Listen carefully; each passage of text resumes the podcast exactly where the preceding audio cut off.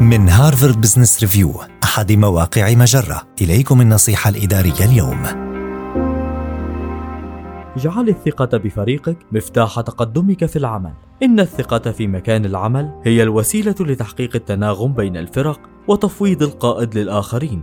ثمة طرق عديدة يمكنك من خلالها تغيير نمط قيادتك لإعادة بناء الثقة في موظفيك. تحدث مع فريقك بعد كل قرار مهم متخذ واشرح لهم المعايير الذاتية والموضوعية التي فكرت فيها والمخاطر والمقايضات التي قيمتها واعتبارات أصحاب المصلحة. فكر دائما في الأخطاء التي ارتكبتها في حياتك المهنية سابقا وكيف أوصلتك إلى القائد الذي أنت عليه اليوم.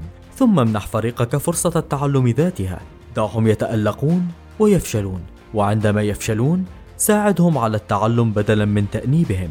اسألهم أسئلة توجيهية للغوص عميقا في تفكيرهم وفهمه أكثر هذه النصيحة من مقال هل تثق حقا بفريق عملك وموظفيك؟ النصيحة الإدارية تأتيكم من هارفارد بزنس ريفيو أحد مواقع مجرة مصدرك الأول لأفضل محتوى عربي على الإنترنت